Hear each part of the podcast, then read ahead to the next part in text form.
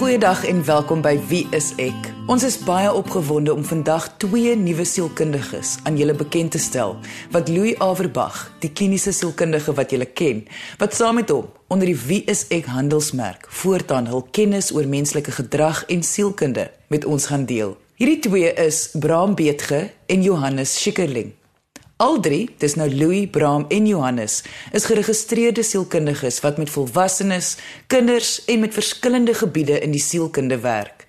Louis verkies egter terapie met volwassenes en verhoudingsmaats. Bram spesialiseer in 'n spesifieke vorm van terapie met kinders en Johannes in verslawing. Al drie werk ook graag met die behandeling van trauma. Louis, voor ek met Bram gesels oor wat sy terapie met kinders so gespesialiseerd maak, kan jy net vertel hoekom ons so opgewonde is dat hy deel van ons span is? Ek ken vir Bram al langer as 20 jaar en ek beskou hom regtig as een van die bekwaamste terapeute met wie ek al ooit die voorreg gehad het om mee saam te werk. Hy's baie toegewyd aan sy werk en hy het 'n baie diep begrip en omgee vir menslike gedrag. Die feit dat Brahms se vakmanskap so hoog geag word dat hy sielkundiges internasionaal oplei in 'n hoogs gespesialiseerde veld spreekboekdele. Bram, jou fokus as sielkundige lê by kindergerigte terapie. Wat ek nogal dink baie moeilik moet wees omdat kinders tog nog nie die vermoë besit om vir iemand te verbaliseer wat hulle voel of dink nie. So, hoe kry jy dit reg om dan uit te vind wat hulle dink of voel? Dit is 'n vraag wat ouers baie dikwels vir my vra. En ek dink oor die algemeen wonder mense hoe terapie met kinders regtig werk. Die ongelooflike ding met terapie rondom kinders is dat hulle praat nie Afrikaans of Engels of Zulu of Frans nie. Hulle taal is spel.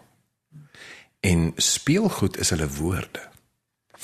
So wat jy doen is jy gaan eintlik binne in 'n wêreld in wat ons dan die onbewuste noem. Want die onbewuste se taal is simbole en prente.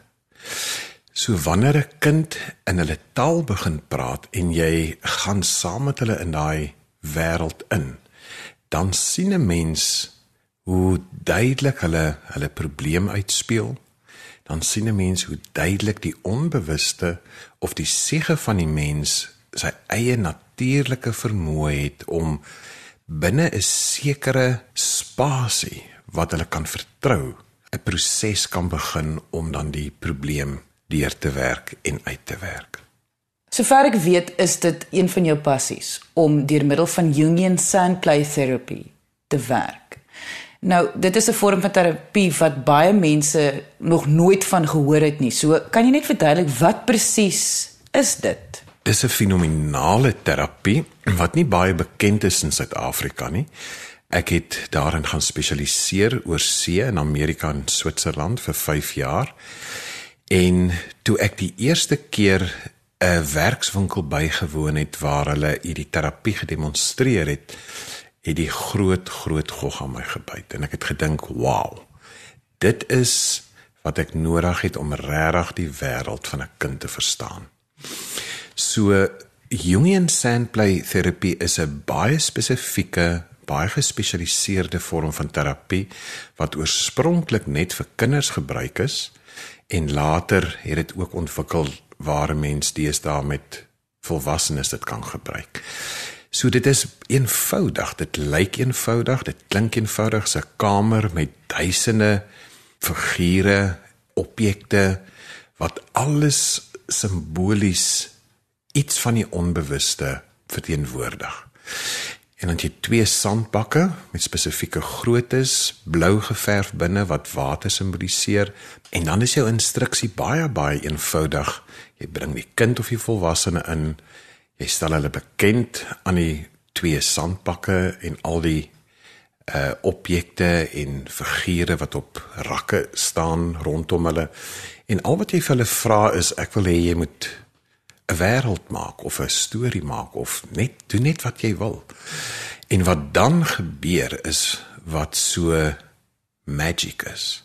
En dit is dat die onbewuste neem dan oor. So in die onbewuste word dan die probleem uitgespeel in die begin en die persoon doen dan 'n reeks sentreis oor sê maar 2 maande of 3 maande. En hoe dit werk lese is is eintlik ongelooflik. Want die siege werk soos die liggaam as ek my hand hier nou sny die oomblik as daar bloed uitloop dan begin die liggaam sy eie natuurlike proses van genesing dieselfde beginsel werk so met die siege. So as jy daar voor die sandbak gaan staan en jy sit jou hande in, dan is die siege besig met daardie ontwikkelingsproses, daai groei, daai transformasie om dan wat die probleem is binnekant of wat die siege arresteer, kan ons dit eintlik maar noem, te begin uitspeel en dan kom aspekte in die onbewuste los wat dan die groei transformasie bewerkstellig. Wat so interessant is daarvan is sê net maar jy het 'n kind wat 'n uh, 30 sentreis gedoen het. Want jy neem 'n foto na elke sentrei en as jy dit dan so langs mekaar sit, dan is dit amper soos 'n ekstraal foto van die onbewuste wat geneem word. En jy sien soos jy in 'n regte ekstraal foto sien sien jy dan voor jou visueel die groeiproses en die transformasieproses van die kind. So dis 'n moeilike konsep vir die man op straat om te verstaan.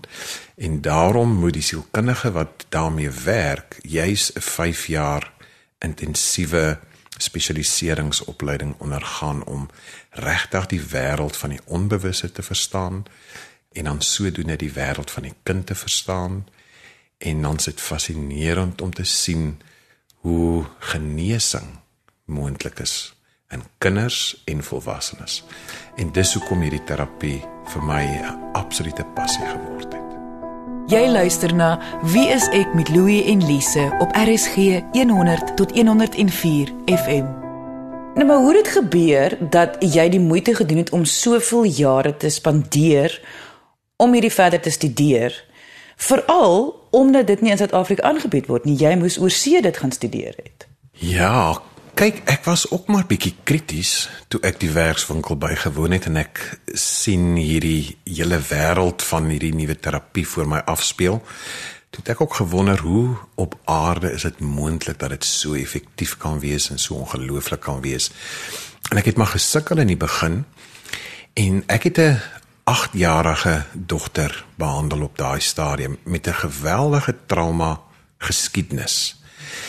Ehm um, sy was aangeneem geweest en ek het besluit daai dag ek gaan haar nou in die sandplaykamer invat en kyk wat gebeur. Op daai stadium het ek nog nie veel verstaan wat eintlik gebeur in in sandplay terapie nie. En sy het in die kamer ingestap en sy het reguit na so 'n klip toe geloop wat ek ook het want ons het alles alle natuurlike objekte ook in die sandplaykamer blare klippe noem dit alles van die wêreld. Ehm um, en sy het na hierdie klip ronde klip toe geloop wat so 'n gat in het en sy het hom gevat en hom in die sandtray bak gesit. En toe het sy rondgeloop en gekyk na al die figure en objekte op die rakke En toe het sy 'n klein babatjie gaan vat en sy het hom in die gat gaan sit van die klip. En ek het begin wonder wat is haar onbewuste besig om uit te speel daar. En sy het toe later drie strooitjies gevat. Die strooitjies wat jy gebruik om koeldrank mee te drink en sy het dit in daai gat ook gesit saam met die baba. En sy het vir my gesê dis dit. En ek vra gesê is daar 'n storie? Toe sê sy nee, glad nie. Toe sê ek sê ietsie wat sy vir my wil vertel van wat sy gebou het daar. Toe sê sy vir my nee. En ek het dit toe so gelos want jy vra nie te veel vrae nadat 'n kind 'n sandplay gedoen het nie. Maar dit het my vreeslik geplan. Ek het toe die ouers gekontak en gevra of hulle die maatskaplike werker kan bel by wie hulle die aanneming gedoen het en vir haar net te vra of daar enige kollaterale geskiedenis is rondom die dogtertjie wat my kan help om te verstaan wat het gebeur voor die aanneming want sy is binne 'n dag of twee aangeneem. En om 'n lang storie kort te maak wat toe uitgekom het was dat haar ma haar 3 keer probeer aborteer het terwyl sy in die ma se baarmoeder was. En toe begin ek verstaan waaroor Sandplay eintlik gaan. Dat sy het nie bewuslik geweet wat sy doen daar nie, maar sy het onbewuslik presies geweet wat sy doen. En toe kan ek 2 en 2 bymekaar begin sit en dink maar sy het eintlik haar trauma daar vir my gewys wat ek nie bewuslik verstaan het nie en sy het ook nie bewuslik verstaan nie. Maar my en haar onbewuste het presies geweet waaroor dit gaan. En dis waar my lang 5 jaar spesialisering toe begin het daar. Ek wonder nou net, as jy nou praat van genesing en as jy praat van die onbewuste en ek neem en ek gaan nou die leuke woord gebruik, probleme dan wat die kind ervaar. Geld dit dan vir enige diagnose van ehm um, AGHS tot uh, gedragsprobleme tot enige iets. Praat ons nou van enige probleem kan hierdie aangespreek word. Absoluut. Daar is meer as genoeg navorsing tot nou wat wys dat ongeag die probleem dat ons almal het 'n siege, ons almal het 'n onbewuste en ons almal het sekere geprogrammeerde aspekte binne in ons siege wat hierdie moontlikheid moontlik maak. So ongeag die probleem, die siege gaan dit konfronteer en uitwerk. So dit maak glad nie saak wat die diagnose is nie. Dit word oor die algemeen gebruik vir enige tipe probleem. Vandag ontmoet julle die twee nuwe sielkundiges wat saam met Louis Averbag 'n formidabele span maak in die WSE kamp. Hulle is Bram Beetge, 'n spesialis in terapie met kinders wat ons voor die advertensiebreek ontmoet het, en Johannes Schikkerling, ons verslawingsspesialis. In die verlede het ek die voorreg gehad om 'n paar maande lank saam met Johannes te werk by 'n gesogte internasionale rehabilitasiesentrum. En in daardie tyd het ek geweldig baie by hom geleer. Hy sonder enige twyfel is hy die eerste keuse vir my om kliënte na te verwys as dit kom by verslawing. As ook natuurlik ander behandelingsprobleme. Ons is regtig bevoorreg om Johannes as deel van die span te hê. Johannes, die groot vraag is sekerlik: het ek 'n verslawing of afhanklikheidsprobleem? So Hoe weet iemand? Want baie mense dink jy moet byvoorbeeld dag en nag drink wanneer jy 'n uh, alkohol afhanklikheidsprobleem het.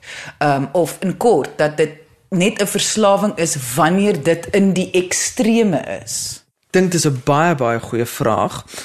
Ons definieer dit in drie verskillende fases. Daar's mense wat gebruik, dan is daar mense wat misbruik en dan is daar mense wat afhanklik is. En Ons kyk dan nie noodwendig na die hoeveelheid wat iemand ge gebruik nie, maar eerder die rede hoekom iemand gebruik. Want afhanklikheid gaan daaroor dat jy afhanklik is van hierdie middel. Dit beteken dat jy dit nodig. Jy sukkel om 'n dag deur te kom sonder dit. Baie mense drink elke dag, maar dit beteken nie hulle sukkel om hierdie dag te kom sonder hulle drankie nie. Nou sodra jy begin sukkel om hierdie dag te kom sonder jou middel, sonder jou ding, dan moet ons begin kyk of dit nie afhanklikheid is nie en dan het jy 'n probleem. Nou indien iemand nou luister en besef hulle mag dalk 'n uh, kom ons noem dit dan nou 'n probleem hê met watter ook al substans, moet hulle dadelik professionele hulp kry of is daar iets wat 'n persoon eers self kan probeer? Ek sou voorstel dat jy eers self probeer om vir ten minste 2 tot 3 maande op te hou met jou substans of gedrag of dit wat ook al die probleem wat vir jou uh waaraan jy afhanklik is of dalk moontlik dink jy is afhanklik. So nie eers die opsie om dalk eers net minder nie. Jy sê sommer net vir 2 na 3 maande heeltemal ophou. Hou heeltemal op want dit gaan jou help onderskei tussen gebruik ek hierdie middel want dit is vir my lekker of gebruik ek hierdie middel want ek is afhanklik daarvan. En as jy dan goeters kry soos onttrekking, as jy sukkel om daarby uit te kom, as jy begin storieetjies maak, as jy begin geheime uh hê oor jou substans, dan kan ons weet daar is 'n probleem. En dan moet ons definitief kyk na professionele hulp. Gaan dan en kry asseblief professionele verslawingshulp. Net voor ek nou praat, wil vra oor die oor die professionele hulp spesifiek. Hoekom 2 na 3 maande? Hoekom moet jy so lank gaan mens nie na 'n week agterkom dat jy dalk 'n probleem het nie? Baie mense kan vir 'n week heel okay regkom daarmee want soos wat hulle sê ons white knuckle dit. So jy hou net uit vir hierdie tydperk en mense kan selfs 2 tot 3 weke uithou daarmee, maar 2 tot 3 maande dan begin ons kyk na jou funksionering. Kan jy eintlik survive? En dan is raak ons verby die idee van white knuckling en dan raak ons aan goeie soos onttrekking en dan kom die regte simptome eers deur. Jy luister na Wie is ek met Louie en Lise op RSG 100 tot 104 FM. Goed, so terug na professionele hulp. Jy sê nou professionele hulp spesifiek vir verslawing. Wat behels dit? Wat wat bedoel jy daarmee? Verslawing is 'n geweldige spe gespesialiseerde veld omdat dit nogal kompleks is. Ons verstaan verslawing as 'n meervoudige uh, verstoring. En dat baie keer vind ons dat mense het 'n 'n dubbele diagnose. Dit beteken hulle depressie en hulle is afhanklik van 'n middel. Of dit beteken dat hulle afhanklik is van 'n middel en hulle het gemoedstoornis of daar's angs of daar's 'n persoonlikheidsding. En dit is dan nodig dat iemand wat regtig verslawing ken, die onderskeid mooi kan tref tussen dit wat depressie is en dit wat regtig afhanklikheid is. So wat jy sê is dit wat ons ken of wat die breër samelewing hulle kop het dat jy moet maar net uithou en jy is maar in 'n rehabilitasiesentrum hulle hou jou maar net skoon en so en dan gaan dit maar van self weg. En wat jy nou sê juis is daar mag dalk redes wees ander redes wat aangespreek moet word Absoluut. Jy kan nie net iemand se substans van hom afhou nie, want hy gebruik dit vir 'n rede. Soos ons gesê het, hy is afhanklik daarvan vir 'n rede. Dit is nie net omdat dit lekker is nie. Dit is jou standaard publiek. Hulle drink want dit is lekker. Iemand wat afhanklik is, gebruik dit vir 'n rede. Hy drink want hy wil iets uit daai bottel uitkry. Hy wil 'n of 'n gevoel kry, hy wil 'n susmiddel kry, hy wil 'n coping mechanism kry. En jy kan nie dan net vir hom sê hou op drink en hom in die wêreld instuur nie want hy het nog steeds nie goeie vaardighede om te cope met die lewe daar buite nie. Jy moet ook vir hom vaardighede gee om nie weer te gaan gebruik nie. Anders gaan hy natuurlik relapse. Nou die groot vrees wat uh, alle mense sekerlik het is 'n rehabilitasiesentrum. Kan jy net help om mense gerus te stel hoe dit waarlik 'n verskil tog kan maak? 'n Rehabilitasiesentrum is eintlik maar 'n plek waar jy, soos ons sê, tot op nul kan kom. Dat jy nie geïntoksikeerd is nie, dat jy iets van jouself weer kan terugkry en dat jy op 'n plek is waar jy weer oor kan begin. Dis 'n plek waar mens amper moet detox in gees liggaam en ek wil amper sê siel ook en ook op 'n familievlak van dit wat jy deurgemaak het met jou verslawing. Omdat die verslawing sy kloue in 'n mens se hele lewe slaan, is dit belangrik om elke tentakel af te trek. Dit is baie moeilik om dit te doen as jy by die huis is of nie in 'n plek waar jy net daarop kan fokus nie. Want die res van die lewe gaan aan. Die familie bly kwaad die mense is nog steeds ontstel oor jou. Jy het werkstryk en dis hoekom 'n rehabilitasiesentrum geweldig gesond is vir iemand wat sukkel met 'n substans. Dit is net 'n plek waar jy kan kom en wie op nul kan kom sodat jy weer met die lewe kan aangaan. Baie families sal ons kontak en sê maar hulle voel dat hulle seun of hulle neef of hulle oom of hulle pa of hulle vrou of dogter het 'n afhanklikheidsprobleem. En hulle probeer hierdie persoon forceer om na 'n rehabilitasiesentrum toe te gaan.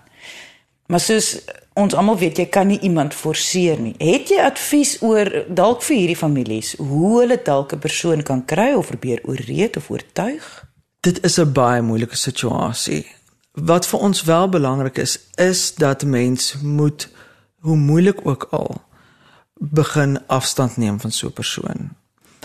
Deurdat jy hoe meer hulle hulle verslawing kies, hoe meer moet jy sê maar dan moet ek my hande van jou afhaal. Wat ons ook kan doen is 'n intervensie en dis waar almal bymekaar sit en ek seker mense het dit al op films gesien waar mense intervensie het en dit kan soms effektief wees, maar ook nie altyd nie. Ons kyk maar daarna dat ons wil graag hê die persoon moet self besef dat hy of sy 'n probleem het en die enigste manier wat ons dit kan doen is ons hulle toelaat om bietjie in isolasie te leef, om bietjie die skade van dit wat hulle doen te ervaar. En dit is baie moeilik vir die familie om te sien, uh en vir die bystanders, maar dit is ook 'n baie gesonde ding sodat die insig kan inskop van hierdie ding wat ek dink help my baie is eintlik nie so gesond vir my nie. So dis asof jy sê dit dat die geliefdes moet die veiligheid net mm. net vir 'n rukkie wegvat. Mm. Presies net so. So as hy die die as die student sy kar afskryf want hy was dronk, moenie nog 'n kar koop nie. Laat hy dit voel, hy moet besef dat sy coping mechanism werk nie en as ons hom die hele tyd red, dan werk die coping. So ons moet nie meer red nie. Ons moet toelaat dat hulle die skade van hulle verslawing ervaar. Is die behandeling van afhanklikheidsprobleme of verslawing vir jou 'n uitdaging? Absoluut. Dit bly altyd 'n uitdaging want eers eerstens elke persoon is uniek. Ehm um, so dit maak dit ook baie interessant. Die rede hoekom iemand gebruik is altyd verskillend. En die uitdaging lê daarin om soos vroeër gesê, nie net die verslawing te behandel en die insig daarin te te kry nie, maar ook om die ander werk te doen. Met ander woorde, as daar trauma is, dan moet ons ook die trauma werk doen. As daar depressie is, dan moet ons ook die depressie werk doen. As daar enige ander toestand is, dan moet ons dit behandel. En die verskeidenheid daarvan is 'n legio en dit maak dit altyd interessant en 'n uitdaging. Indien jy enige vrae het vir ons drie sielkundiges, kan jy hulle kontak deur ons nuwe webwerf. Dit is wsek.co.za. Gaan lees ook meer oor Johannes en sy ervaring in binne en buite pasiëntbehandeling en verslawing. Baie dinge is besig om by wsek te verander, maar die heel belangrikste is altyd dat jy moet mooi kyk na jouself.